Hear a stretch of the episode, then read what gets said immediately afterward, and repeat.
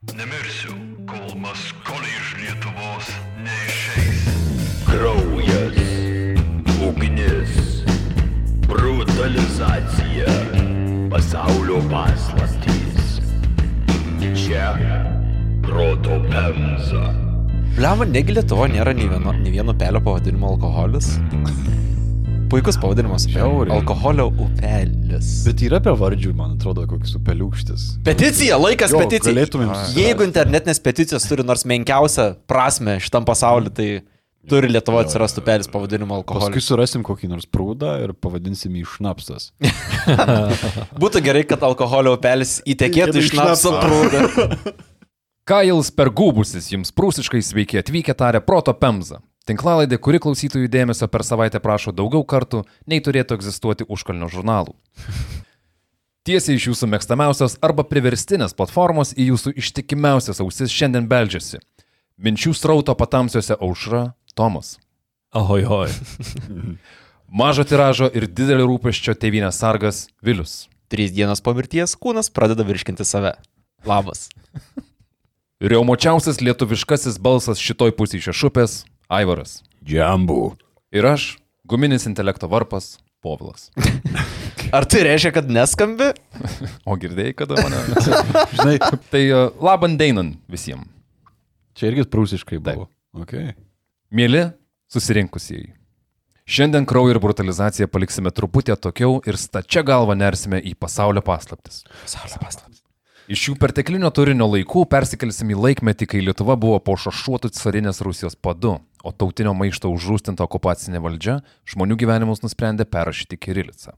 Pagaliau pakalbėsim apie žmogų, kurį šitą priespaudą iš kantrybės išvedė vingiuotais keliais, bet atvedė tiesiai į kiekvienus lietuviškus namus. O užantyje slapčiausi tos priespaudos triufeliai - lietuviška spauda. Ar aš nekėsim apie kalėdų senį? Savotiškai taip. Mūsų visų pasididžiavimui - knygnešių karaliaus Jurgio Belinio istorija. Ir labai greitai apie šaltinius. Tai pagrindinis šaltinis buvo Kazio Misiaus ir Benjamino Kaluškevičiaus knyga Didysis knygnešys Jurgis Belinis.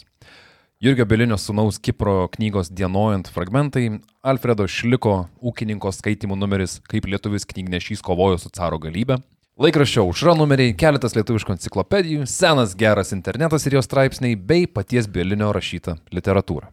Bliamo kiek šaltinių vėl. Įsivaizduoti, jeigu ne patys epizodus rašytume, o padarytume atskirą knygų skaitytojo etatą? Tai ką dabargi chat GPT viską gali? Ne viską, žinok, yra veiklų, kurios liks mum. Pavyzdžiui, statybininkai, medikai, serijiniai žudikai. A, tai va, a, 18 amžiaus pabaigoje Teisininkai, psichologai. Ir vadovai visokie CEOs. E, Kad jau paminėjot vadovus, ar žinojot, kad Maxima turi tokį karjeros centrą?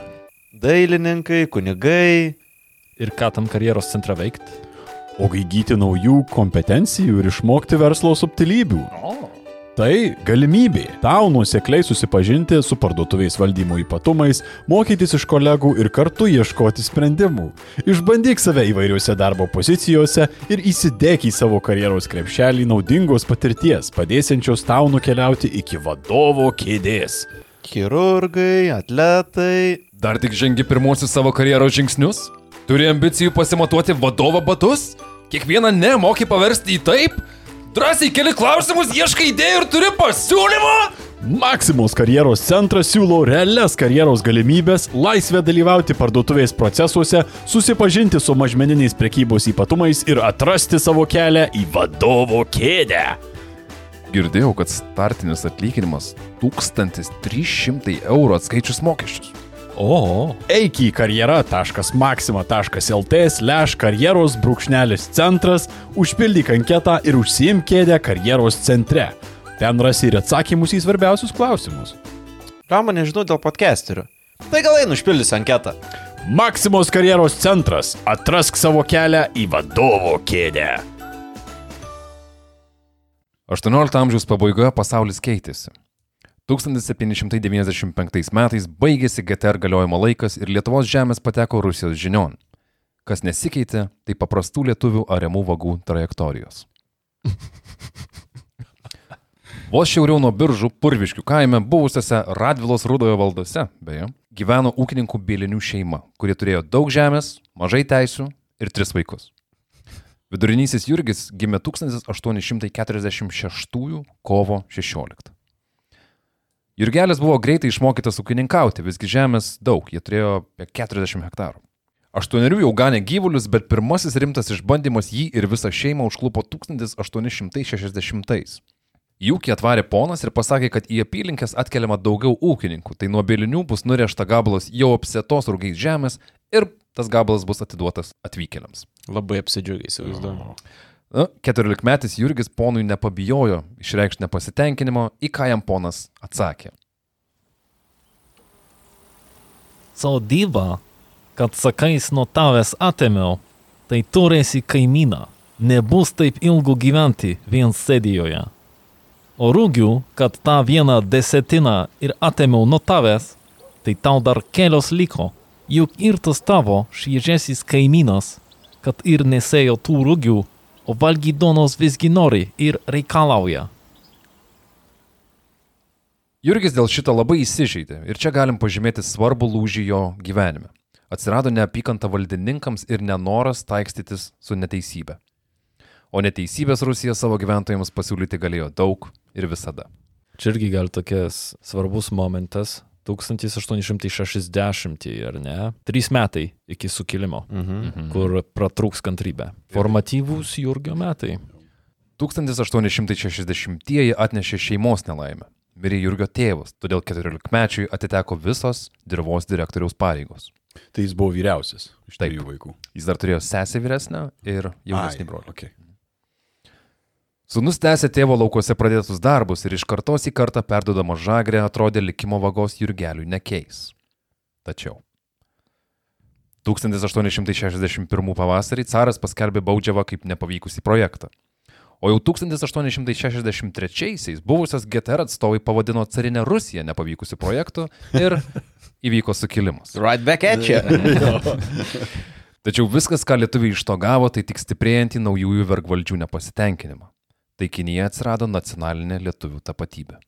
Šiam ketvirtais buvo uždrausta lietuviška spauda, rašyta lotyniškais rašmenimis. Pati lietuvių kalba nebuvo uždrausta, bet nuo šiol knygos ir žurnalai bus rašomi graždanka. Tai lietuviški žodžiai, bet jie parašyta Mhm. kirilicu. O, Tais pačiais metais 18-metis Jurgis Bielinis susitokė ir su žmona Ona, po kelių metų susilaukė sūnaus. Deja, pirmagimis gimė labai silpnas ir greitai mirė, o gyvenimas užsimojo kitų kumščių ir po kelių mėnesių mirė Ona. Vos per porą mėnesių Jurgis liko bevaikis našlys. Pradžia iš naujo. Čia yra arba super blogiečių, arba Jo. super herojo genezės istorija. Reikėjo nukreipti liūdnas mintis ties kažkokiu tikslu ir Jurgis jį rado. Kaip rašo Misius ir Kaluškevičius, Bielinis, būdamas ties smukiško ir neramaus būdo, pastoviai kiždavosi į su juo nesusijusius reikalus. Dažnai net neįsigilindavo, kas per problema ir bandydavo pasiekti savaip suprastą teisybę. Kitaip tariant, ieškojo problemų. ir jis buvo toks, kur ateina ir kišasi į kitų žmonių reikalus. Ir iki galo net neišklauso. Toks, kur Funny guy. įeini, permeti kambarį, kas negerai ir jau siūlai dalykus. Fan kaimynas turėtų. Taip dar gyvendamas šeimoje, Bielinis įsivėlė į kelis ginčius. Vieną kartą papriekaištavo vietos viršaičių ir valščiaus raštininkui pravardę Gaidys, kad tie kartu degtinę maukė. Smuklis savininkui aiškino, kad tas ne savo žemę užėmęs ir panašiai. Viskas nuvedė iki to, kad Bielinis buvo pats apskustas teismui dėl įvairių dažnai realybės netitinkančių dalykų. Teismas dažnai vykdavo rusų kalba, kurios irgi neįtin gerai a, mokėjo ir galų gale jam vis tekdavo sumokėti po nemenką baudą. Dėl viso to jis pats kaltino savo išsilavinimo stoką. Todėl tapęs našliu 20-metis Bielinis išnuomojo dalį ūkio, gavo pinigų ir nusprendė kipti mokslus. 1868 rudenį išvarė mokytis Šiaulius, po metų į Jelgavą, o po to į Rygą. O ką, jis tiesiog mokėsi kažkokį tai Miesto mokykloje. bendrą nelavinimą. Besimokant pramoko rusiškai, latviškai, lenkiškai ir net vokiškai. Oho. Bielinis dar vadintas Bieleku ir Jakuliu. Sunkiai vertėsi su pinigais, bet vis tiek per penkerius metus sugebėjo baigti tris klases. Norint mokytis toliau, reikėjo pažymos iš valščiaus valdybos, bet norint ją gauti, reikėjo tarnauti kariuomeniai, ko Jurgis norėjo tiek pat, kiek aš daryti epizodus apie NSO.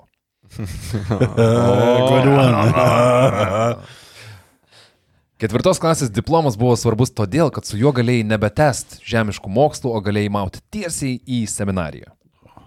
1873 Kaunas stangrėjo kaip pramonė ir kultūra kietas miestas, kai į miestą atvyko Jurgis Bielinis. Su savim turėjo ryšulėlį daiktų ir smarkiai, smarkiai užtaupytus šimtą rublių. Svajonės gal tik kelios, bet visos jos prasideda čia, Kaune. Jurgiui turbūt atrodė, kad jis sapnuoja ir gali būti, kad jis neklydo. Biržų rašytojas Alfredas Šlikas savo knygoje teigia, kad Bielinis užmygo Kauno traukinių stotį ir buvo apvoktas. Nei daiktų, Sveiki atvykę į Kauną. nei daiktų, nei pinigų. Bet keiksmažodžius jau penkiom kalbom galėjo pasakyti. Susikrimtas Bielekas nežinojo, kur dėtis, bet buvo viena vieta, kur mane, kad jį priims. Kauno viskupijos rūmų ansamblis, stovintis prie pat Kauno pilies, tuo metu turėjo Jurgiui jau matytą gyventoją. Kai buvo penkerių, iš to vyro jis gavo sutvirtinimo sakramentą. Nuo jų paskutinio susitikimo praėjo daugiau nei 20 metų, tačiau į duris jis vis tiek pasibeldė. Motiejus Valančius jau buvo savo gyvenimo saulėlydžio pabaigos pradžioj, kai Jurgis Bielinis įsiprašė į viskupiją pernakvoti. Dvi valančiaus padėjėjos išklausė Jurgio bedas ir susižvalgė, kai joms kilo mintis, kaip padėti nelaimėliui Belekui. O ką jeigu jis platintų lietuvišką spaudą? Iš karto į versliuką. Žiūrėk, žiūrėk, yra čia tokia situacija. Jo, gausi maisto, gausi pastogę, bet reikės per sieną šiek tiek pavaikščioti. Ir, ir, mat, ir matyti tikrai ieškojo žmogaus, nes tiesiog kažkas nakvot atėjo. Ei, gal nori knygas pastumdyti? Toks, bet visiškai toks renegade, žinai, neturi šeimos, Jo. neturi ten kas atsimintų, jeigu neturi dings, ką prarast. net, jeigu dings be žinios, nu ką padarysi? Tik knygdešystės Jasonas Bornas. O tai kas valančius tada The Mastermind? Neatsimenu veikia. Tommy Lee Joneso veikėjas. Užsidirbti galima, iš viskupijos niekas irgi nevėjo. Blogiausia, kas gali nutikti, gausi baudą. Arba būsi ištrimtas į Sibirą. Ne.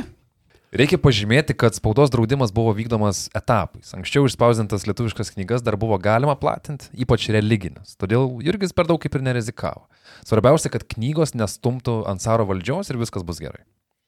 Taip savalančiaus palaiminimo Bielinis knygas pristatinėjo trejus metus ir 1876-aisiais sugrįžo prie išsvajotosios ketvirtos klasės idėjos. Tačiau suprato, kad nei jis tų pinigų pritaupė, nei kas priims 30 metį mokytis su paaugliais. Toks biski Adamo Sandlerio vaibas. Yra. Tai 30 mečiui atėjo laikas nei ketvirtą klasę, o laikas sugrįžti namo. Vietoj mokslo Jurgis vedė dar kartą, antroji žmona taip pat buvo Ona. Ona Brazauskaitė, beje, iš pietinės Latvijos kažkur tai. Toliau pusę etato platino lietuvišką spaudą ir tvarkė ūkį. Iš laukų Bielinis grįždavo netoks ir pavargęs, nes vienas po kito šeimoje pasipylė vaikai. Iš viso per dešimt metų gims penki. Nuo žagrės ant žmonos, o likęs laikas prie knygų. Svajonių gyvenimas, nežinau. Are ir are. Mokslų ragavusiam ir pasaulio reikalais besidomenčiam Jurgiui savam kaime net nelabai buvo su kuo pabendrauti. Vienu metu jis susidraugavo su Suostų valščiaus, kur ir buvo purviškai uh, tokiu kunigu Daukša, kuris jį užkrėtė lenkų kalba. Kaip virusas. Namuose Jurgis kalbėdavo lenkiškai ir apie pasaulį skaitė lenkiškai. Tačiau užteks vieno laikraščio, kad viskas pasikeistų. 1883 metais pasirodė lietuviškas laikraštis Aušra, turėjęs žadinti lietuvių tautiškumą. Jono Basanavičiaus ir didelės kompanijos pradėtas leidinys Bieliniui padarė tokį įspūdį, kad namuose buvo įvesta nauja taisyklė ir kambarius užpildė lietuvių kalba. Nice. Va čia įtaka leidinio, sakyčiau. Padarė darbą savo, kokį ir turėjo. Ne? Vieną vakarą, 278 km į šiaurės rytus nuo Punsko, valstiečio troboje pasigirdo beldimas į duris. Garšvių kaimo gyventojas Kazys Udra pažvelgė į durų pusę. Svečių jis nelaukė. Žandarai? Aušros laikraštis tinkamai paslėptas, bet skundikų kaime visada buvo. Nežinodamas, ko tikėtis, Udra pasitaisė vešlius ūsus ir nupėdino prie durų. Paklausęs, kas ten, ir po trumpos tylos išgirdęs atsakymą, Udra atšovęs klastį ir atidarė duris. Sveikas, Jurgi. Užėk.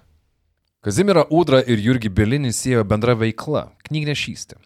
Nėra žinoma, kaip jie susipažino, gal per atlaidus, gal slaptam caro raustų renginį, bet tą vakarą Jurgis paprašė Udros leisti pernakvoti.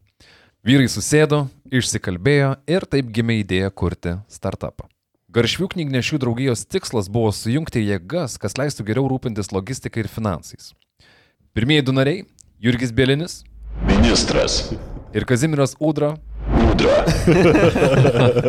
Su laiku prie draugijos prisijungė dar trys knygnešiai. 85-ais skramvedys Bielekas pasiūlė proceso optimizavimo idėją.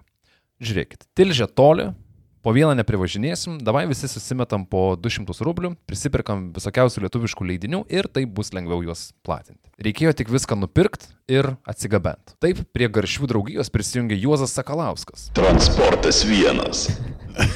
Jis kas dvi savaitės į Udros sodybą pristatydavo po vežimą knygų, grupė ten jas išsidalindavo ir traukdavo kas į kurią pusę pristatinėti. Veikla buvo įsisukusi tiek, kad žmonės užsakinėdavo knygas, maldaknygas ir žurnalus. Tai mes kalbam apie galimai pirmąjį draudžiamų knygų Netflixą cariniai Rusijai. Gal net ir pasaulyje. Čia labiau Pirate Bayus. Tam tikrą. Vienas einamų leidinių buvo Aušra, o Bielekas taip skrodė tautiškumo banga, kad pradėjo ieškoti būdų, kaip prisidėti prie Aušros kūrėjų. 1885 metais jis net parašė atsišaukimą, kur išdėstė žinantis ir suprantantis paprastų valstiečių bedas, bet niekas iš jo kreipimąsi nesureagavo. A, Taip ir pasibaigė politinė karjera. A, tik prasidėjo tokio žmonių gyn- gynėjo ir bandytojo visur um, A. pareikšti savo nuomonę. Ėjo metai, Jurgis vis susigalvodavo veiklos. Į vieną pasvalio parapiją bandė prastumti kunigą, bet buvo greitai nusodintas. Tada, kai Šedorių rajone bandė padėti tikintiesiems atgauti Muravjovo uždarytą paparčių bažnyčią, tačiau kovą pralaimėjo ir galėjo tik stebėti, kaip rusai ją nugriauna. Ar toks aktyvistas, ne tik Labai. knygų srityje, Labai. labai, visur e, kišasi, bet, nu, nėra, kad blogai kišasi, Jo, jo. teisingai kišasi. Kaip pats sakė, Prieš tokias galybės, kaip maskolių redas, mano nagai ir dantys ant to dar neužaugę. Maskolių redas. Gera frazė. Maskolių urėdas? ar- Rėdas. Rėdas. Kas yra rėdas? Tvarka, man atrodo. Na, užrėdimas. Užrėdimas. Mm. Ir šiaip reikia sugražinti į, į viešąją kalbą maskoliaus terminą. taip. Jo, nes daugiau nenusipelno jo Jo. negu tiek. Tai. Bet mūsų ūkininko knygų dylerio pyktis konvertavosi į didesnių planų kūrimą. Kantriai susitvarkęs ūkį, jis jį išnuomojo ir nusprendė vykti į vakarų Europą. Kaip gerai, kaip gerai turėti yra passive income, ne? Vat gali užsiminėti mokslu, gali keliauti, svarbu tik tai turėti ką, ką žinoti. Statinėt kunigus bažnyčią. Jo, jo. Politinės vietas. Atsišaukimus skelbt. Jo. Ir niekas neskaito. bet vis tiek.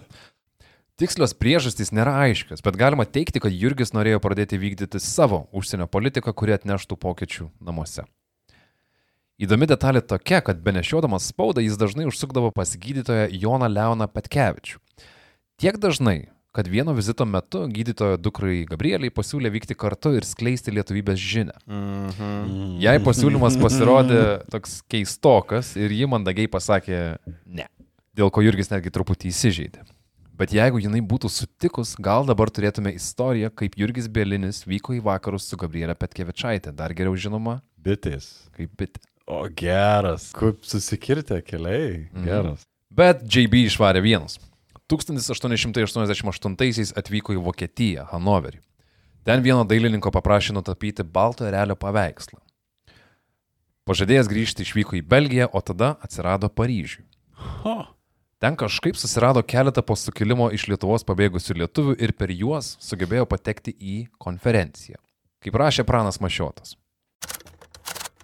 Užkliūva į Paryžių. Tenai patenka į Lenkų kongresą, kur buvo kalbamasi apie Lenkijos atstatymą.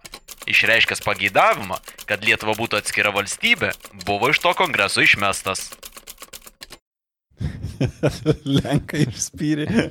Bet jis toks naglas visai yra. Aha. Jis reikalų tvarkytojas. Visą laiką jaučias vietoj, kad ir kur bebūtų. Nėra to tokio, oi, čia gal nepatogu biški. Jis yra visų reikalų ministras. Pavydėtinas pasitikėjimas savim. Jo. Lenkų kongrese Bilinis sėdėjo kaip Lietuvos valstiečio atstovas ir sėdėjo ramiai iki tol, kol vienas iš pranešėjų nepradėjo kalbėti, kaip Lietuva yra neatsiejama nuo Lenkijos. Bilinis įjungė karinį režimą ir pagaliau, mokėdamas atsikirsti tą kalbą, kuriam kažkas nepatiko, labai garsiai išdėstė savo mintis ir kryptis, kuriomis pašnekovas turėtų eiti. Ale įdomu, kad šitam valstybingumo projekte Lenkai nepaleido tos minties, bet gal iš tikrųjų į netgi tais tuo metu yra natūralesnė, negu kad Lietuva būtų atskira. Jo, visiškai. Jo, kaip, kaip Lenkijos ar netokia regionas, ar ne, gal integralus buvo matomas, ne? Jo, jo, sakykim, bet gal aš, aš labiau noriu atkreipdėmėsi į tai, kad Lietuva kaip ir neegzistavo kaip atskira valstybė nuo Lenkijos. Mm. Nu, ji egzistavo trumpiau negu kad kartu su Lenkija būtų gyva. Jo. jo. Tai čia ir tokia tam tikra logika, bent jau politinė mąstymė yra pas juos. Čia Bielinis yra revoliucionierius, Jo. kuris siūlo kažką naujo. Taip, taip, o ten tradicionalistai, kad atkurkime jo, jo. tai, kas buvo prieš išardant. Nu, Jo, jo, jo. Nu jo, Bielinis toks romantinis nacionalistas grinai yra iškylantis. Baiginėjosi Bilinio pinigai, todėl iš Paryžiaus patraukė namo. Pakeliui atsijėmė užsakytą į paveikslą, padarė kelias jo kopijas, bet visas jas atėmė vokiečių muitininkai. Ką? Mhm. Sakė, kylio muitinė atsiimsi, bet jis neturėjo pinigų sustoti, nu, išlipti iš traukinio ir vėliau dar vieną bilietą nusipirkti, tai tiesiog e, teko grįžti namo. Taip daugiau nei pusę metų prasimalęs vakarų Europoje, Bielekas namo grįžo nieko reikšmingo taip ir nepasiekęs. Nu, porą Lenkų pasiuntė. Jo. Jo, manau, užsipumpavęs grįžo jisai mm. tokių ir idėjų, ir, Ir šiaip-. Prancūzijoje, Paryžiui tuo metu jis ten turėjo irgi visai išgirsti visokiausių idėjų, nes ten tuo metu tai virėjo. Jo, jo. Virėjo dalykai, kaip turi būti. Ir šiaip, jo, tai būtent turėjo parsinešti namo atgal į Lietuvą labai tokių e, europietiškų Aha. Konceptų, būtent apie patį Jo. nacionalizmą, savęs apsibrėžimą Taip, taip, ir, ir... Politinių aktyvumų, Jo, netgi jo, jo. praktikų ir, ir, ir žinių. Ir tikriausiai pamatė, kiek iš vis lietuvių yra dar Europoje Mm, mm, išsibaršusių. Tam pačiam Paryžiui tikriausiai buvo visa, visa didelė tvirta Diaspora, bendruomenė. jo. Jo. Šiaip tikrai turėjo būti įstabi kelionė žmogui iš purviškių. Jo, būtent tą patį galvo, kai, kai išvažiuoji ir pasaulis didėja vis, Mhm. mm. vis tolstant. Po komandiruotės Jurgis nerė atgal į Garšvių draugijos veiklą, kuri 1888-aisiais smarkiai suaktyvėjo. Prie jos prisijungė ir daugiau narių. Sistema veikė pasitikėjimo ir mokestinių principų. Draugijos narys Adomas Ladukas Buhalteris. paskaičiuoja biudžetą, iš kurio skiriama pinigų spaudai pirkti. Vienas iš narių važiuoja į pasienį, ten jį pasitinka samdyti žmonės, kurie nupirktą spaudą pernešė per sieną. Kartais dvigubom vežimo dugne, kartais net karste knygas vežė. O tada su maždaug pusę tonos pavojingiausio krovinio belieka tik tai grįžti apie 250 km iki garšvių, vežimu riedant keliais, kuriuose bet kur gali sutikti žandarus. Damn. Belinis net turėjo revolverį, kurį, sakoma, yra panaudojęs. Nu, čia ne tik plieniniai keušai, bet ir geležiniai nervai turi būti. Tiesiog prašosi narkos verto montažo.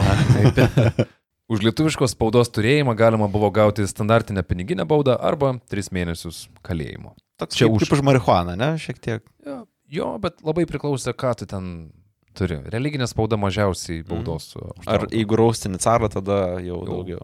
prastai. Platinimas užtat. Visiškai, visiškai. Sentencija. Sentencija platinti. Kiek yra, jeigu turi daugiau negu penkias knygas, tada jau. Platinimas galėdavo kainuoti metus kalėjimo Lietuvoje, o po to kelionę keletai metų į rytus. Pasieniečiai nebuvo labai draugiški pažeidėjim, juos vydavosi, juos šaudydavo, o kartais ir be teismo nuspręsdavo kontrabandininkų likimą. Bet darbo specifika privertė knyginešius gudrauti. Pavyzdžiui, Bėrinis tai būdavo su vešle barzda, tai ją nusiskusdavo. Rašoma, kad net arklių pakinktus jisai keisdavo pagal rajoną, kuriame keliaudavo, kad nekiltų įtarimus. Mhm, okay. Visada turėjai turėti priežastį, pas ką važiuoji ir kodėl. Tai dažnai knygnešiai sakydavo, pavyzdžiui, kad važiuoja pirštis. Standartinė priežastis tikriausiai 19 amžiaus pabaigoje. Jo, bet turi būti tavo istorija suderinta su tais žmonėm, Ai, pas kuriem kuriuos važiuoji. jūs Jo, nes jūs nuvažiuosit pas tos žmonės. Ir jeigu... Ir ten tik sūnus. O ne!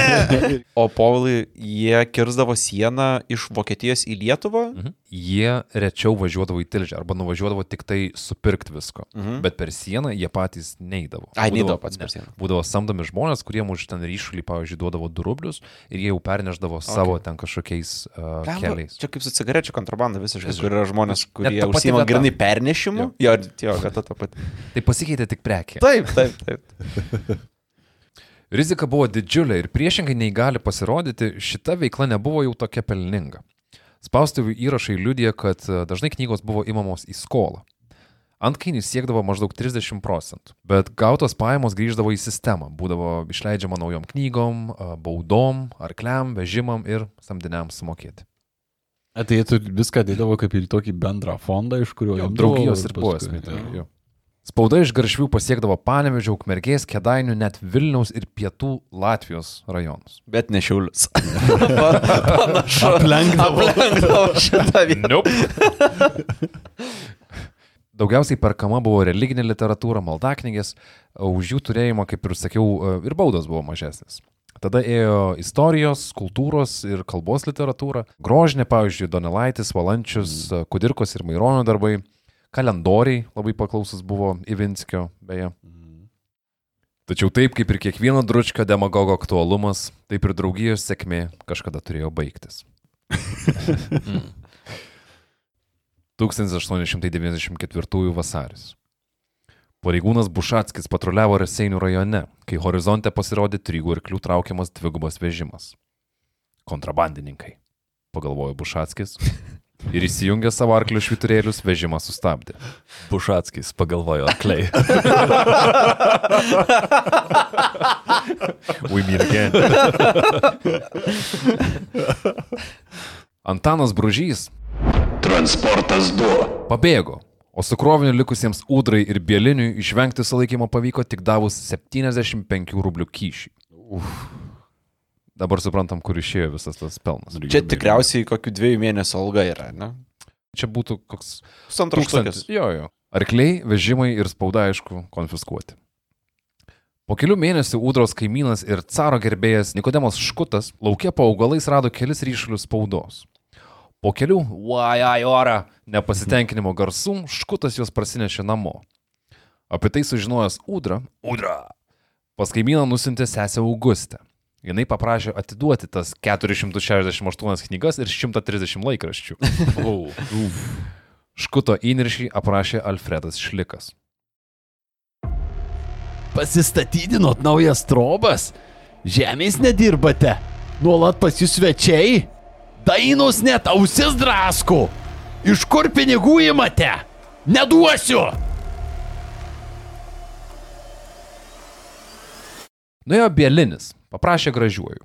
Nuėjo ko ne visas kaimas, tarp kurių net buvo vienas policininkas ir liepė atiduoti spaudą. Tas, kurių, e, Hebra, su, su, pasidalinės jau jaučia, kad bus blogai, toj, toj šakės kažkas jau išneš į, į aikštelę.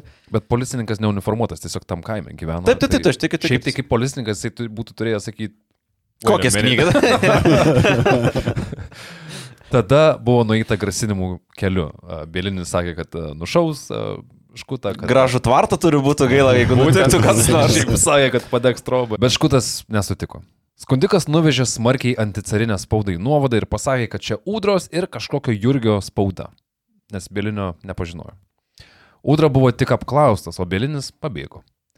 Nuo tada Bieliniui Udros namuose reziduoti buvo per pavojinga, nes jis jau nuo 91 gyveno pas Udrą. O čia veiksmas vyksta uh, 94. Mažėja saugių vietų, ne, šiek tiek. Taip, smarkiai. Ir garšviai buvo kaip ir headquarteriai, buvo visas štabas garšvių draugijos. Tai tas ėjimas pas škutą ir prašymas jam net siūlė 10 rublių. A, Visokių buvo metama priemonių, kad tik tai tas knygas paimtų, nes jie rizikavo visos draugijos mhm. atskleidimu ir tada jau visi, visi tada būtų jau susitikę tik tai nebent turbūt Sibirė. Po savaitės valščiaus valdyba perėmė laišką adresuotą Udrai. Atplėšė, o ten prašymas atsiųsti varpo laikraščių. Jo, Udra yra jau gaudomas. La, labai po padidinamu stiklu ir jau turima tokių rimtų įrodymų. Pareigūnai prisistatė į garšvių būstinę. Sveiki, krata. Rasta 450 laikraščių ir 37 knygos, bet pavyko atsipirkti kyšių. Kokiu būdu iš vis caras tikėjosi įgyvendyti tą draudimą. Korupcija buvo taip paplitus. Čia Manau, labai tinkamas klausimas, bet, ko, bet kokiai iniciatyvai iš Rusijos tikriausiai per Na. pastaruosius 200. O jums, man įdomu, ką nedaugiau carui, metų. man įdomu, ką carui pranešinėdavo, nes turbūt pagal... Puikiai, viskas sekasi puikiai. Jo, viskas Niekas nuostabiai. nieko nerašo blogai apie tave, niekam nejuokinga. Nu, Ja. ir e, leisk man šitą už 30 rublių kostiumą pasitaisyti ir važiuoti atgal į valščių, kai gaunu 5 uh, rublius per mėnesį. Lapkritį situacija tik pablogėjo. Anoniminis skundikas teisėsagui pranešė, kad Antanas Bružys savo sodyboje slepia draudžiamą spaudą. Policija užgriuvo Bružio namus. Sveiki, krata. Iš viso rasta beveik 2000 knygų ir žurnalų. Didelė dalis sunkia svorių.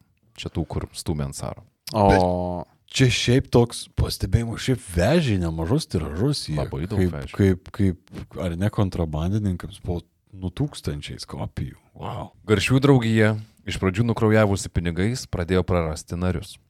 Į knygnešystę taip pat buvo įsitraukęs ir Jurgio Bilinio brolis Andrius.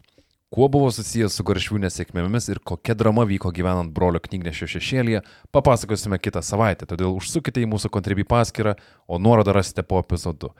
Papildomas turinys mūsų kontribį rėmėjams, jokių draudimų, kaina mažesnė nei maldaknygės spaudos draudimo metu, o ir kito papildomo turinio ten, nors vežimų vešk. Ir pramogų kartais nuo karto. Taip.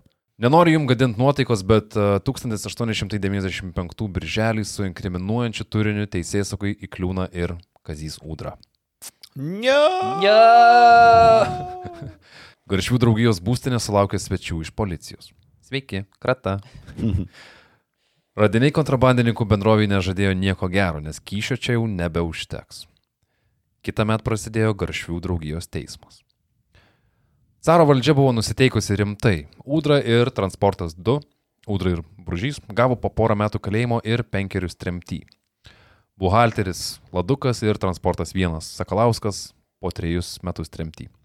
Nors trėmė net ne iki Sibiro, o arba į Baltarusijos teritoriją, arba maždaug 400 km į šiaurę nuo Maskvos, į čia Voloktos Sounds tams. Vardino aš čia tas bausmes, bet tai kiek Belinis gavo, kažkada paklaustumėt jūs.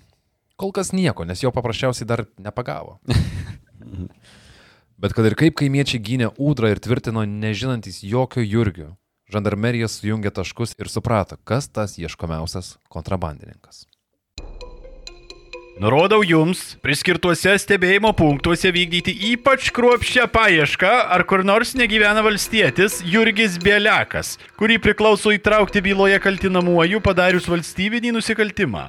Jo požymiai - vidutinio ūgio, tvirto kūno sudėjimo, petingas, barzdas ruda, reta, veidas raudonas, galvos plaukai tamsiai rusvy, atrodo 35-40 metų, apskritai sudaro stipraus ir sveiko žmogaus įspūdį.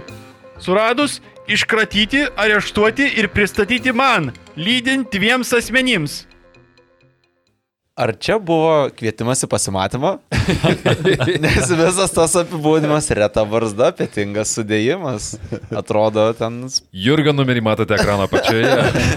jo, jo. Šiaip dviem asmenim greičiausiai reikėjo liūdėti, nes e, du asmenys yra sunkiau papirkti negu vieną. Tai jo, jau, jo. o kaip pigus šakotis išbadėjusi burnoje subirėjusi garšvių draugija, reiškia etapo pabaigą. Jurgis vėl turėjo dirbti vienas ir dirbti daug slapčiau. 1896. Rūpiučio vakaro šiluma maišėsi su paukščių skambesiu, kurį papildė vis garsėjantis ritmingas kaukšėjimas. Vežimas, vadėliotojas ir vakaras nieko neįtardami rėdėjo link namų. Kelyje pasirodė antras vežimas. Policija. Gal tai buvo aplaidumas, aplankęs paskutinėme kilometre iki namų, o gal ir neišvengiamas likimo vingis, bet vadėliotojas skaičiuoti mokėjo. Tai tikrai nebuvo pirmasis jo rodeo. Praėjusio rūpiučio naktį aš važiuodamas tarnybos reikalai sutikau nepažįstamą žmogų. Aš jį sustabdžiau, paklausiau, kas jis toks ir kur važiuoja. Gi nepažįstamasis vietoje atsakymo nedelsdamas iššoko iš vežimo ir pasileido į mišką. Aš pasileidau paskui, tačiau dėl nakties tamsos ir tankaus miško man nepavyko. Prusinės dvarininkas apžiūrėjęs vežimą ir užgriebęs jame buvusiame maiše knygas, tiesiai pareiškė, kad tai Bieliakas. Pareigūnas Josifas Rogačiovas užklupo Bielinį prie pat namų. Tas pasileido bėgti, žandaras Vytis. Kai suprato, kad Jurgio nepagaus, pareigūnas grįžo prie kelio ir nuėjęs į Jurgio kaimyno dvarą pasikvietė pagalbos paieškoms. Grupė žmonių su šunimis ir šautuvais Bilinių ieškojo naktį miške, bet jam pavyko pabėgti. Pasitelkdami aštriausius nuovados protus ir faktus, kad vežime lietuviška spauda, o Belinio namai buvo už kilometro, žandarai nuskubėjo į purviškius. Sveiki, krata. Bet Belekas per gudrus, kad slėptųsi namuose. Kaip prisiminė knygnešys Stepanas Pavilonis. Man besidarbuojant ūkiui, jau sutelmus atbėga bilekas. Visas išbalęs ir taip nuvargęs, kad vos laikosi. Beveik nieko nepasakė, tik atsigulė ir tik išsimiegojęs papasakoja apie savo pabėgimą iš policijos nagų. Akis ateina visas prakaituotas ir iš karto atsigula labai. Ne, ne, Nei, nei žodžio. labas nieko. Žmona jau atsigula šiaip to šeimininko namų. Šalia. Jo, tiesiog šalia atsigula. Paskui paskaičiu. Viskas gerai, Verutė. šiandien. O suvargęs jis buvo todėl, kad Pavilono sodyba buvo už 22 km. Tokį maratonėlį. Nu, Pusę maratonį. Kai vejasi šunys. Ai, ir, pusmaratonį, jo. Jo, kai vejasi šunys ir žmonės su šautuvais. Mhm. Ar tai dėl asmeninių simpatijų, ar dėl nenoro prarasti vienintelį rajono knygų Netflix slaptažodį, bet kolegos krikščioniai kaimiečiai neišduodavo Jurgio. Tik laikui bėgant, kaip pastebi Misius ir Kaluškevičius, kaimo žmonėms nebereikėjo meluoti, kad net pažįsta šito arklio ar vežimo, ar kad nematė bėlinio. Jurgis jau gerus dešimt metų nesirodė viešose vietose, ypač aplink namus, todėl natūraliai mitologizavosi. Jis jau tokia legenda pasidarė. Jis gyvas yra vis dar aplinkui ir žinai tik tai, kad jis yra, bet nežinai kaip atrodo. Gal tu esi bielinis? Mes esame bielinis. Jis e, buvo istorijų, kad, pavyzdžiui, žmonai nupirkdavo, atveždavo sodinukų ir palikdavo sutartoj vietoj prie miško. O. Viso šitoje situacijoje susijungusi įgūdžių ir įdirbio suma baigėsi tuo, kad po metų byla prieš turbūt Jurgį Bielinį buvo nutraukta taip ir neįrodžius, kad tą vakarą knygas vežė jis. Kolegos, dėl ko žinomas Simonas Daukantas? Nes buvo ant pinigų? Nuėjau pėšias per visą Lietuvą. Taip, ir jis e, pirmasis.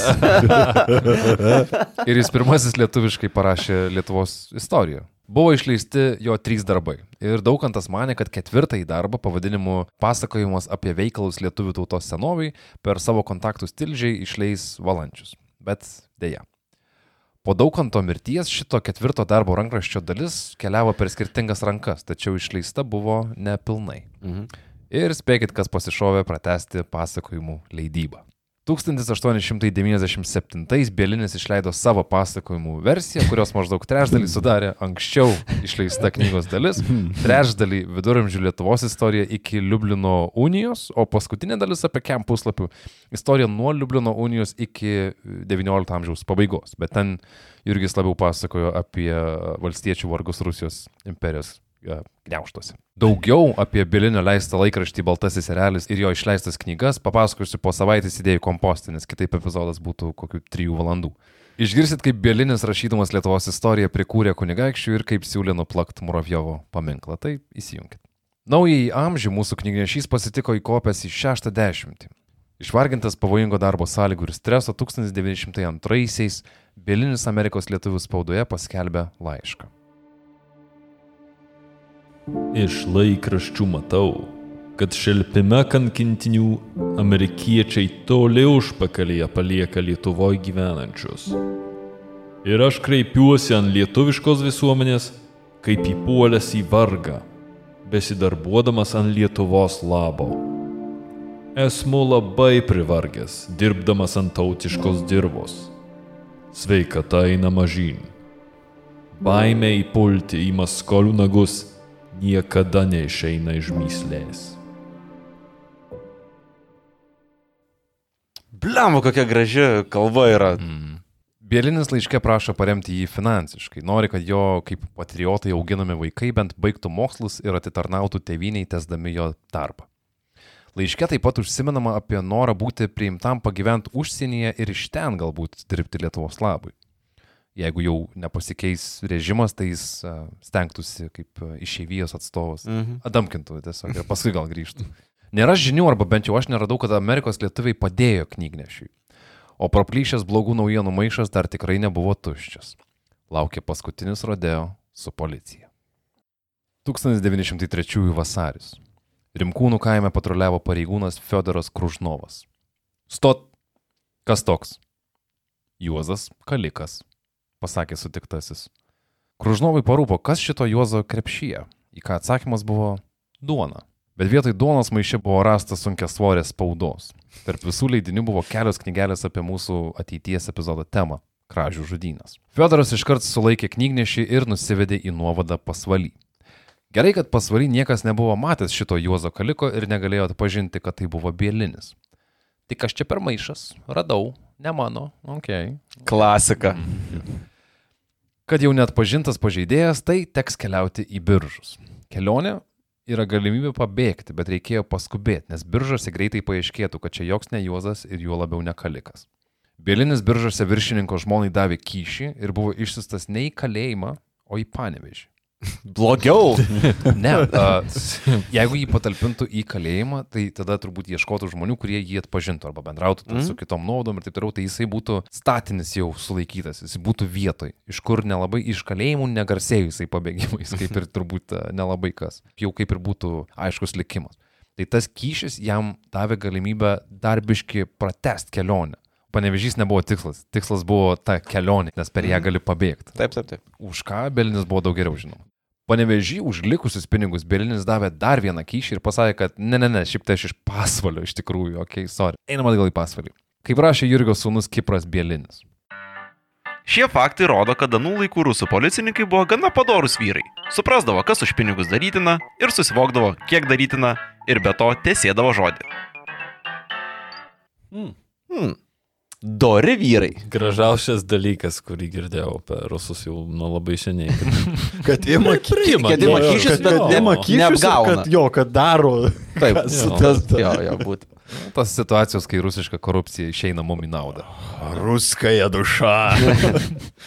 Beinant iš valščiaus į valščių, suimtai lydėjęs seniūnas pasakė, kad sutemus Jurgis gali pabėgti. Tai nakčiai užeis pas valstiečius pernakvot, o kitą rytą tęs kelionę į pasvarį. Man tai patinka tas užėjęs pas valstiečius pernakot, kai būna, nes tiesiog tu gyveni ir random žmonės ateina pas tavę mėgoti. Aš turiu planų šį vakarą. Abu vyrai užėjo į pakeliui buvusią trobą ir pasitakyk tu man taip, kad trobos šeimininkas irgi seniūnas. Ir pas jį namuose dar ir alaus pilna, ir užkandžių visokių. Ir e, iš sunaus Kipro pasakojimo atrodo, kad abu svečiai buvo pakviesti prie stalo, bet Bielinis vaišio atsisakė, nusirengė ir prigulė ant suolo. Bielinis apsimetė, kad miega, kol du seniūnai susėdo pijokauti. Gerta, aišku, buvo iki tiek, kad abu jau turėjo palsėti ir čia visas išgertuvės būdėjas Jurgis suprato, laikas kuo greičiau pėdinti iš ten. Bielekas net neapsirengęs movė pro duris tiesiai į vasario mėnesį tolyn laukais. Nenorėjęs palikti pėdų sniegę ar kad šunys neužuostų jo kvapo, Jurgis gerus 2 km bėgo neužšalusiu upeliu. Jam 60 metų. Damn. Taip atsidūrė Auriliškių kaime, kur pasibeldė į pažįstamo ūkininko duris. Jis pažįsta visur viską. Jo, jo, jo, ir galvoju. Žmogus linktinas. Bet kur reikia, jo nepažįsta. Vat, vat. Aprengtas buvo pasodintas ant arklio ir nugabentas į Katinų kaimą pas savo draugą Vincentą Mitku, kuris Belinį namuose gydė net šešias savaitės. Rimtai apsirgu. Pareigūnai pradėtą bylą 1903 lapkritį pristabdė, nes įtariamasis taip ir nebuvo surastas. Jakulis ir vėl ištrūko iš žandarų nagų, tačiau šį kartą kaina buvo didžiulė. Bėgdamas upeliu Jurgis išbarstė svarbiausią dalyką - sveikatą, kuri jam taip ir nebesugrįž. O, Beje, tai nebuvo pirmas kartas, kai alkoholis gelbsti knygnešį, va, Aivarai kaip tik norėjai sužinoti. Galiau. Buvo istorija, kai Bielinis atėjo pas valstiečius, išstatė knygas pardavimui ir užėjo policininkas. Belinis lietai išmunvokino iš sodybos, o, o daili valstietė vaišino policininką, kaip sako, alum pagardintų degtinę. Boilermakeris vietinis. Pamirškite tas knygas pareigūnė. Tai kai girtas pareigūnas kaimiečių buvo pajojėtas e, iki miesto, e, visa spauda buvo išgabenta ir suslėpta. Tai paskui policininkas grįžo su pastiprinimo ir nusikaltimo lyg nebūtų. Ką jūs dabar išsigalvojate? O ko jis tikėjosi, kad grįš ir dar viskas bus jau? Dar buvo istorija, kaip e, vienas policininkas kaimo suigoje kažkokio įriekavo, kad tai jis sugaus bėlinį. Ir kaip tik ant tų žodžių į trobą atėjo ne kas kitas, o bėlinis. O, kaip. Na, turbūt supratęs kreivus žmonių žvilgsnius, bėlinis puolė ant kelių ir pradėjo kalbėti poterius. Tai pareigūnas pagalvojo, kad ten Elgeta, mhm. davė jam truputį pinigų ir, O, nice. Bliam labai. ir bėlinis išėjo. Ir, Iš gyvenimo virtuozas yra jis. The man of mystery. ir sako, kad žmonės pasakė tam žandarui paskui, kad tenai buvo bėlinis ir tas užsiputojo. Bet kai kuriuom istorijom tiesiog sunku patikėti. Mm. taip, taip. 1904 gegužės 7 dieną išeina caro įsakas. Lietuviškos spaudos draudimas panaikinamas.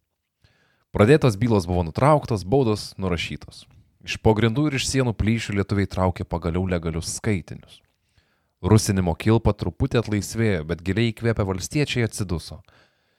Tai knygnešių kaip ir nebereikia. Jurgis Belinis grįžo į savo namus Purviškiuose, aktyviai dalyvavo Lietuvos visuomeniniam gyvenime. Pradėjo kurpti planus leisti naują laikraštį, kuris būtų arčiau žmonių, arčiau ūkio, tik kad nei finansai, nei metai jau nebeleido priepti tokio dydžio užduoties. Lietuvos neaplenkė 1905-aisiais prasidėjusi Rusijos imperijos revoliucija, o Jurgiui tai turbūt atrodė kaip ilgai lauktos okupacijos pabaigos pradžia. Manoma ir net gal savaime suprantama, kad jis dalyvavo surašant reikalavimus valdžiai. Revoliucionierius caras malšino žiauriai. Suostų kunigas savais kanalais sužinojo, kad policija ruošiasi atvykti prie Belinio sodybos ir už visą Jurgio veiklą anticarinę sušaudyti jo namą patrankom. Ok. Oho. Mm. Overkill. Ne overkill, jo. Bėliniai paliko savo namus ir laukė patrankų, bet jos užtrukusios kitose sukilusiuose kraštuose taip ir neatvyko. Patrankų grėsmėje primus Bėlinis tęsė savo misiją, rašė atsišaukimus į laikraščius, aprašinėjo dvarininkų godumą ir neteisybę, su kuria susidūrė valstiečiai. Net kovojo tarpininkaudamas procesuose, kai valstiečiai bandė atgauti savo nusavybę. Bėlinis buvo tiek įgrysęs kai kuriem teisininkam, kad tie net atsisakydavo su juo kalbėtis. Taip pat kaip laikraščiai kartais atsisakydavo spausinti jo tekstus. 1909-aisiais draugijos žurnale buvo paskelbtas konkursas 150 rublių premijai laimėti. Dalyviai literatūrinė kalba turėjo parašyti apysaką apie valstiečių ir bajorų santykius, aprašyti juos realistiškai ir be sentimentų. Sąlygų buvo ir daugiau, bet reikėjo prašyti Lietuvos bajorkaimių gyventojus ir jų papročius. Vertinimo komisiją sudarė trys vertintojai, vienas iš jų buvo Maironis. Mm.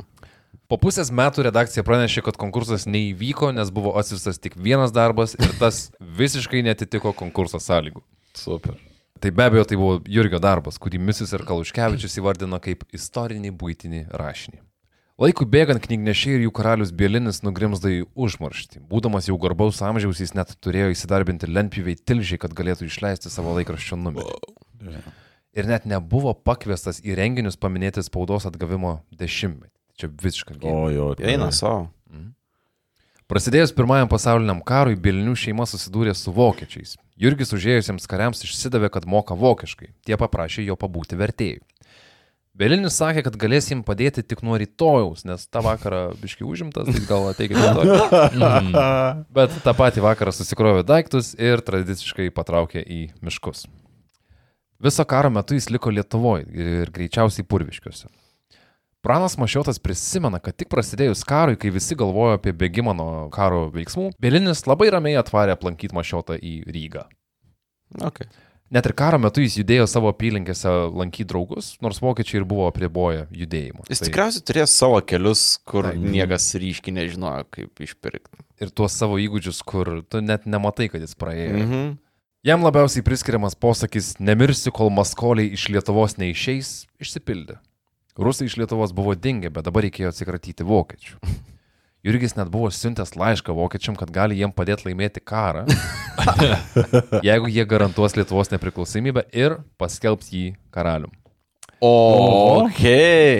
Ambicijų turėjau. Mhm. Ai, dar jisai rašė laišką uh, Kelno geležinkelio stočiai, gal galima atgauti tuos paveikslus. Uh, Nice. Čia jau daug metų praėjo, bet uh, Įdomu, ar jie kažkur išlikę yra dabar, pavyzdžiui.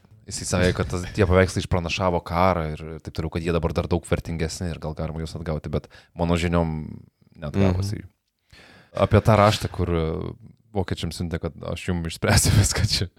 Su tuo raštu vokiečiai atvyko pas Petkevičaitę bitę, e, kuris sakė, kad pažįsta žmogų, kuris rašė šitą tekstą, bet gal tegul jie nekreipia dėmesio per daug į, į tai. 1917-aisiais gyvenimas Jurgiui vožė dar vieną kantausį. Sudegė jo namas. Visos turėtos paties išleistos knygos, visa istorija ir praeitis supleškėjo kaip į dangų paleistas žibintas. Likęs be namų, be pripažinimo ir vietos istorinėje atmintyje, Jakudis patraukė pas draugus.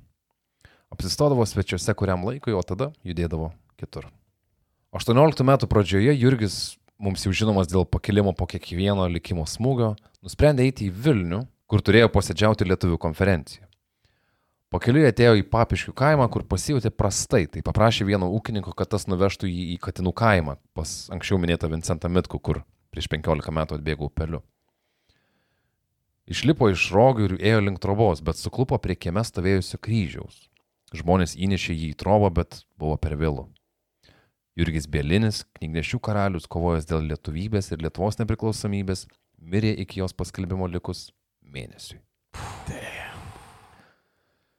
Garsiausia Lietuvos knygnešio darbai smarkiai prisidėjo prie lietuvybės puoselėjimo. Garšių draugija, kurią įkūrė ministras ir Udra, skatino švietimą ir kultūrinį išslavinimą tarp valstiečių, kurie galėjo lengvai nuskesti rusifikacijos ir polonizacijos liūnuose. Nenuorama ir teisybės ieškotojas, sukūręs draudžiamos spaudos platinimo tinklą, rašytojas, redaktorius, slapukavimo maestro, caro ir jo valdžios nekentūnas, tikrasis Lietuvos Ironmanas ir knygnešiausias knygnešys. Per didžiulius vargus ir pavojus nesavanaudiškai stengiasi tam, kad šiandien kalbėtume mūsų turtingą kalbą. Jurgis Bielinis, knygnešių karalius. Bum. Lietuva. Lietuva. Nice, Paulai. Jo. Labai, labai ačiū. Ką norėjau labiausiai pasakyti, labai įdomi pati istorija yra sužinot, kaip, kaip atrodė laikmetis ir kaip atrodė ta kova už lietuvišką žodį realiai per asmeninę gal prizmę. Bet man labiausiai įstrigusi dalis iš viso pasakojimo yra tikriausiai tai, nu, dvi, iš dviejų pusių. Dvi įstrigusias dalis tada, leiskite pasitaisyti, yra. Tai tikriausiai viena pusė ta, kad jį labai atstuminėjo tie aukštesnio rango vadinami um, lietuvių kultūros puoselėtojai. Mhm. Ir kitas dalykas, kuris įstrigo, tai tikriausiai priežastis, dėl ko jie atstumė, nes jis pasakodavo tą lietuvišką istoriją arba lietuvybės naratyvą per pačią tikriausiai skurdžiausio visuomenės sluoksnio prizmę. Ir tai būtent būdavo atmetama, kas iš dabartinės perspektyvos žiūrint atrodo visai šlykštų ganėtinai, nes n- čia nepanašu, aišku, aš neskaičiuoju tekstų, bet nepanašu, kad žmogus būtų buvęs ar durnas, ar piktybinis, ar neturintis, nežinau, užsidėgymo ties kažkokiu geru, geru tikslu. Tai ganėtinai apmaudu, kad taip, nežinau, tuo metu neslaukė pripažinimo. Bet kartu labai smagu, kad Belinę pavardę mes visi žinom, tai yra šiek tiek to pripažinimo išlikusio ir vardo, vardo atlaikymo. Tai ačiū. Paulai. Aš gal tik tai pratesint irgi pridėsiu padėkodamas. Man irgi ta istorija, aš labai daug detalių nežinojau. Ir man tas, nu, vien faktas, ar ne, kad susikirto jo keliai su Petkevičiaitė bitė, kad jisai bastėsi po vakarų Europą visai gabaliuką laiko, kad jis ten man, sugebėjo ir ten Lenkam pri, pri, prisivirt košės ir visa kita. Vis, nu, įspūdinga šiaip gyvenimą žmogus nugyveno, ar ne, kaip toks iš Purviškių kaimo iki Paryžiaus atgal ir, ir po visą Lietuvą išsimaišęs, pabėgė šimtą kartų nuo caro žandarų. Įspūdinga iš tikrųjų. Aš maniau, kad pati istorija bus galbūt nuobodesnė, nei jinai pasirodė galiausiai. Labiausiai irgi įstrigo tas, kad mes jo vardą žinom, bet jis toks vaizdas, kad jis tuo metu buvo toks atskalūnas kažkuria prasme, kuris darė savo dalykus. Galbūt jis kartais buvo įkyrokas kažkam kažkur, gal ne. Bet liūdnas tas aspektas, kad vat, jo gyvenimo pabaigoje jis buvo toks visiškai nugrūstas kažkur į šoną, kai tai buvo žmogus, kuris padarė žiauriai daug, kad tuose valstiečių namuose žmonės skaitytų ir kalbėtų lietuviškai, kas buvo šiaip žiauriai didelė dalis to, kad 918 m. vasario 16 d.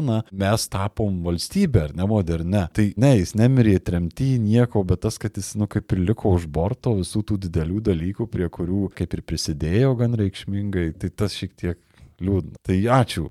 Super, Povai, ačiū, jaučiuosi papildęs labai rimtą ir svarbę spragą edukacijos. Mhm. Patiko tokis nuotikių filmas jo gyvenimas. O man negaila. Man negaila jo už tai, kad man atrodo, kad jį vis dėlto istorija vindikavo. Įspūdingiausia man buvo, ant kiek jis buvo užsispyręs, kad jis nepasiduoda nei karto. Nelaimė ant nelaimės, karts po karto, bet jau po kažkelinto karto atrodo tokias, taip kaip, nežinau, peršalimas kažkokias, jau jam visai jo, ne, jam įspūdžio šitas nekelia, jis tiesiog eina stumešim prieki kaip e, traktorius begalinis kažkokias. Tai, e, o faktas, kad mirė nesulaukęs kažkokio tai pripažinimo, nežinau, tas pripažinimas atėjo po mirties. Ir jis netam šitą darė, kad gyvent paskui kažkokiuose rūmuose ar... ar Karalium norėjo būti vis dėlto. Nu jo, bet čia irgi netraktuokim šito rimtai, jis tikriausiai šitą per dantį traukė ir tą karalių indėjo kaip e, sarkazmą, spėtau labiau nei kad kažkas rimto. Man atrodo, kad čia tikrai pasididžiavimo vertas asmuo, tuo įdomesnis, kad jis dar turi ir kažkokią gelmę, ne tik dėl tų asmeninių tragedijų, bet ir dėl to, kad man atrodo visos šitos istorijos fone gyvenus jo žmona ir vaikai, kuriuos jis matė rečiau negu jūreivis, Jo, panašu. irgi leidžia interpretuoti jo biografiją iš tokios gal mažiau gražos pušės, bet tai daro tik labiau žmogiškų. Labai gera istorija, ačiū. Mhm. Į- Įdomu, kiek jisai galėjo slampinėti ilgą laiką po, nu, neslampinėti, slapsytis po apylinkės ir niekada nebūt pastebimas, bet kartu ir pastebimas, ne, kai, kai reikia. Amazing šita, šitas faktas yra apie, apie patį žmogų, rodo jo profesionalumą savo amate, kur tu reikia turėti kontaktų, kad gautum nelegalių prekių, bet reikia, kad ir nepagautų tavęs, ta prasme, tai žinai tiek, kur eiti ir kaip slėptis. Aš jį prie Ramenskio pasimčiau į karą. Tiesiog taip. Jo, jisai slapta. būtų toblo žmogus, leis į žvalgybą, tipo, mm. arba skautint, kur niekas mm. ne, nežin. Na, jis tikrai praverstų, praverstų tikriausiai mūšio laukia. Tai šitą istoriją gal aš neužkabinau visos knygnešystės ir visų knygnešių.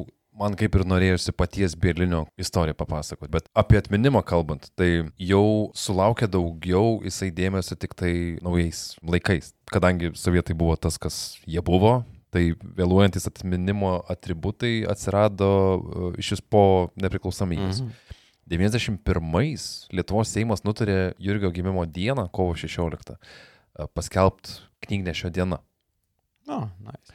O kai būsit Vilniui, nueikit į Vingio parką, ten yra vieta, kur paskutinį kartą susitiko Bielinis ir Petkevičaitė bitė. A, 2009 pastatyta buvo skulptūra Vienybės medis, tokia verpsti. Tai ant jo yra toks apskritimas ir ant jo yra iškalta šimtas iškeliausių Lietuvos asmenybių pavardės. Tai jie abu yra tenai. Gerai. O paties Bielinio kapas beje yra Suoste, Biržų rajone. Ten pat ir Bielinio vardo ažalas, už kurio sakoma jisai slėpėsi atsišaudinamas nuo žandarų. Kaune karo muziejaus sadelė yra knygnešių senelė, kuri Bielinio vardas taip pat yra išgraviruotas. O pabaigai visiškai crazy detalė. Panevežė rajone, Bistrampolyje yra tokia knygnešių koplyčia. Mūrinė, nedidelė koplytėlė, viduje knygnešystės motyvais e, ištapytas interjeras, o ant vienos sienos yra vienas labai svarbus šitos istorijos atributas. Ten kaba tas pats kryžius, prie kurios suklupo ir sako, kad jį apsikabinęs numirė Bielinis. Geras. Mm. Aplankykit, prisiminkit ir pasakokit. Tai knygnešių buvo daug, nebejoju, kad pilna istorijų ir apie kitus, todėl tikiu, kad dar galbūt kažkada ir sugrįšim prie jų, bet šios istorijos tiek. Tai nepamirškit mūsų irgi aplankyti Mhm. uh, Facebook'e, Instagram'e. Mes ten esame aktyvesni negu Wikipedijoje kažkodėl, tai nesuprantu vis dar kodėl. Aplankykit Tomą ant jos sienos, kažneka Lenkija. Aplankykit, aš esu ant sienos, aš esu tik tai 2D projekcija. Bet labai išmintinga 2D projekcija, kuri mums papasakoja, kas vyksta už kaiminės. Oi ten, oi ten. Po savaitės įsijunkit uh, idėjų kompostą, uh, taip pat bus dar papildomo turinio, aplankykit mūsų Contribui. Verta. Tikrai verta, čia ekskursijai buvom neseniai, smagių dalykų vyksta. Tai gal tiek, ne? Jo, Iki. ačiū tau, Paulai. Ir ačiū. Ačiū. iki. Ačiū visiems. Iki. Viso.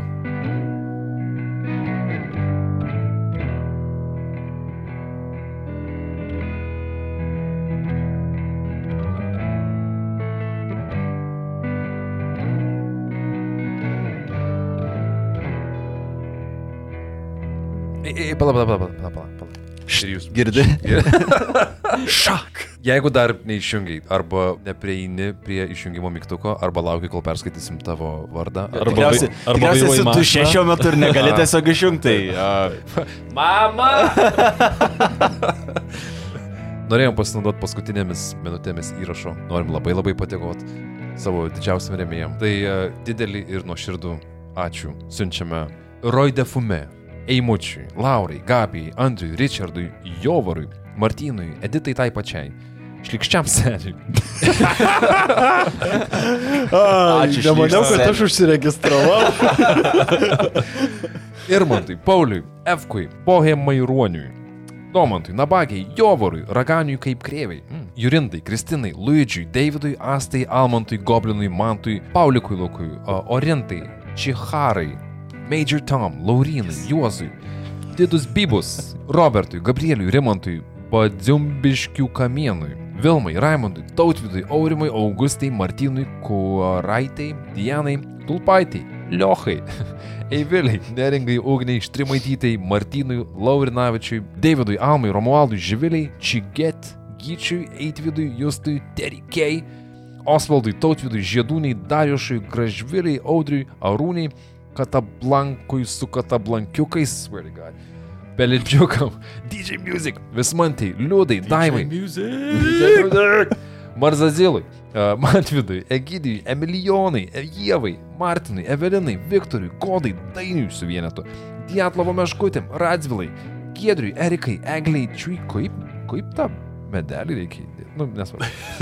Mičigo, Artūrui, Rasai, Erikui, Duke Silver, Julijai, Ritai, Dainorai, Liniui, Duonats, Pemetrai, uh, Justinai, Kristinai, Benediktai, Holinariai, Aidomas JW, Mantūsui, Dovilui, Dovilui, fuck, Doviliai, Marijai, Oho. Dariui, Eksibo, Laimonui, Pikabuzevų, Birutei, Eimantui, Birutei ir Baronui, ir Arūniai, ir Neringai, ir Nikštukų fabrikėliui. Kas perima? Aivaras! Šlykštus, kitaip žinomas kaip šlykštus senis. Lingališkas maton dimingi, tariamas Evaldui. Nėra tikras žodis. Jo, jis jo, pat tikrai. Pasigūglink. That's definitely made up, man. They're all made up. Maton dimingi, sakom, Evaldui, Ingridai, Vaidui, Viktorijai Sum, Jevai, Gerdai, Laurinui, Rapolui, Barškalui, Brigitai, Gretai. Agniai Mildai Renatai, Max Galingumui, Markui Gin, Linui, Linai, Migliai, Donatui, Tadui, Jogiliai, Vaidotui, Vnurčikui, Mindaugui, Kiprui, Simonai, Migliai, Pauliui, DJ MTV, Monikai, Akviliai, Tomui, Treigytei, Julijai, Simonai, Artūrui, Donatui, Džiugui, Mindaugui, Pauliui Liau, Domantui, Medai Kotrynai, Samantai, Reinoldui, Martynui, Reptilijui, Ugniai, Simonui, Austėjai, Elvinui, Šarūniai, Vytautui, Žakamama, Agnainiui, Lagaminui, Juliui, Gabrieliai, Arnui, Charlie from Verdansk, Pono Joriui Kompostui, Gvidui, Gvidonešiui, Medžiui, Kiek ten M buvo? Justinai, Igniukui, Rokui, Rūtai, Rimantei, Vilitai, Tumėniai, Antanui, Vieciniam, Urtei, Kalviui, Egliniai, Viktorijai, MD. Pauliui, Renatai, Paulinai, Audriniui, Mr. Mindaugas J. Rimai, Vikai, Kornelijui, Donatui, Kestui, Linai, Aušriniai, Arštikiui, Darislovui, Jolitai, Aušriniai ir Braideriui, Justei Pripustė, Editai, Zabirkai, Thastin, Edvinui Džiugui, Giedriai Margaritai, Ievai Šliaužytai, Sandrai, Karoliui, Maiklui Skotui, Kristinai, Indrei, Ingridai, Kristinai, Dariui, Daugelieniai, Evelinai, Tėvo Vamzdžiui, Juditai, Astai, Eimantui ir Zombie Unicorn. O taip pat ačiū tirada, tęsėme tuos ačiū žodžius sakydami žmonėms, kurie yra pasivadinę vardais. Kaip? Tomas, Mykolas, Greta, Kristė, Sandra, Kamilė, Vaidotas Paulius, Dimantė, Audra, Jūrij, Dominika, Dominikas, Melita, Arūnas Rūta, Andrius Ritenė, Inga Greta Silvija, Robertas Marijus, Rima Paulius, Reda Laimonas, Agne Dovilė. Medeina Arnas Pijus, Mendugas Dovilė, Eglė Meškis, Donelaitė, Rokas, Roberto Augustė. Mikipūras, Soliukė, Gerulė, Almontas Justas, Vydutas Miglė, Karlis Petras, Darius, Dėdė Tomas. Ar tu bandai Mario muzikėlę? Uh, ne, nebuvo tikrai nemačiau. Mantas Akučaitė, Tadzikutis, Benas Edita Žygimantas Lina, Eglė Simas, Gediminas Evelina, Saulis Tadas Vyga Arnoldas, Raimondas Salveiga, Povilas, Raimondas Mykolas Mantas, Simas, Pytska, Agne, Greta, Jonas, Marija, Persivalis ir Mildelė. O taip pat nemažiau nuoširdžius padėkos žodžius tariame šiems e, žmonėms arba išgalvotom asmenybėm dvitaškis. Mindaugui Aušrai, Dovilei Albinui, Imon Zimonui, Elijui, Martynui Irmantui, Karolinai Liudui, Video Pankui, Dievoje Gurkui, Gailiai, Inai Monikai, be abejo Pisimantui, Makštočiui, Viliui, Jaja! Ačiū vėliau.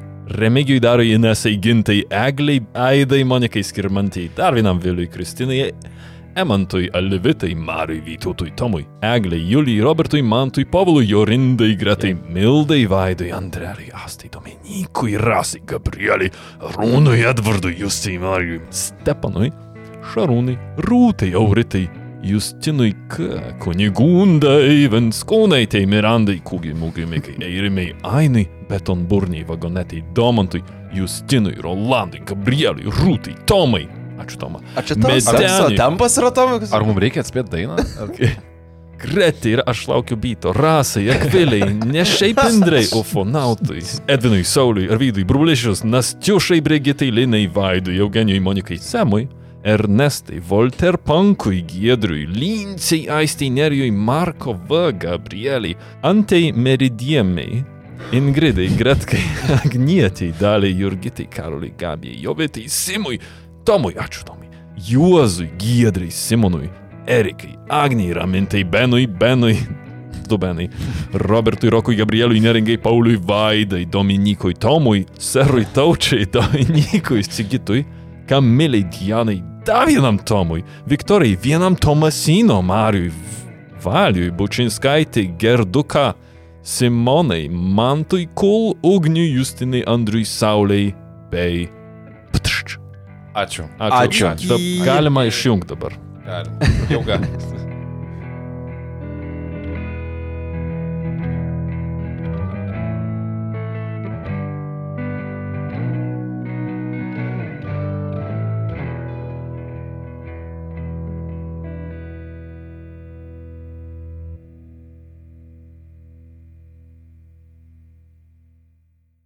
Sveiki, krata.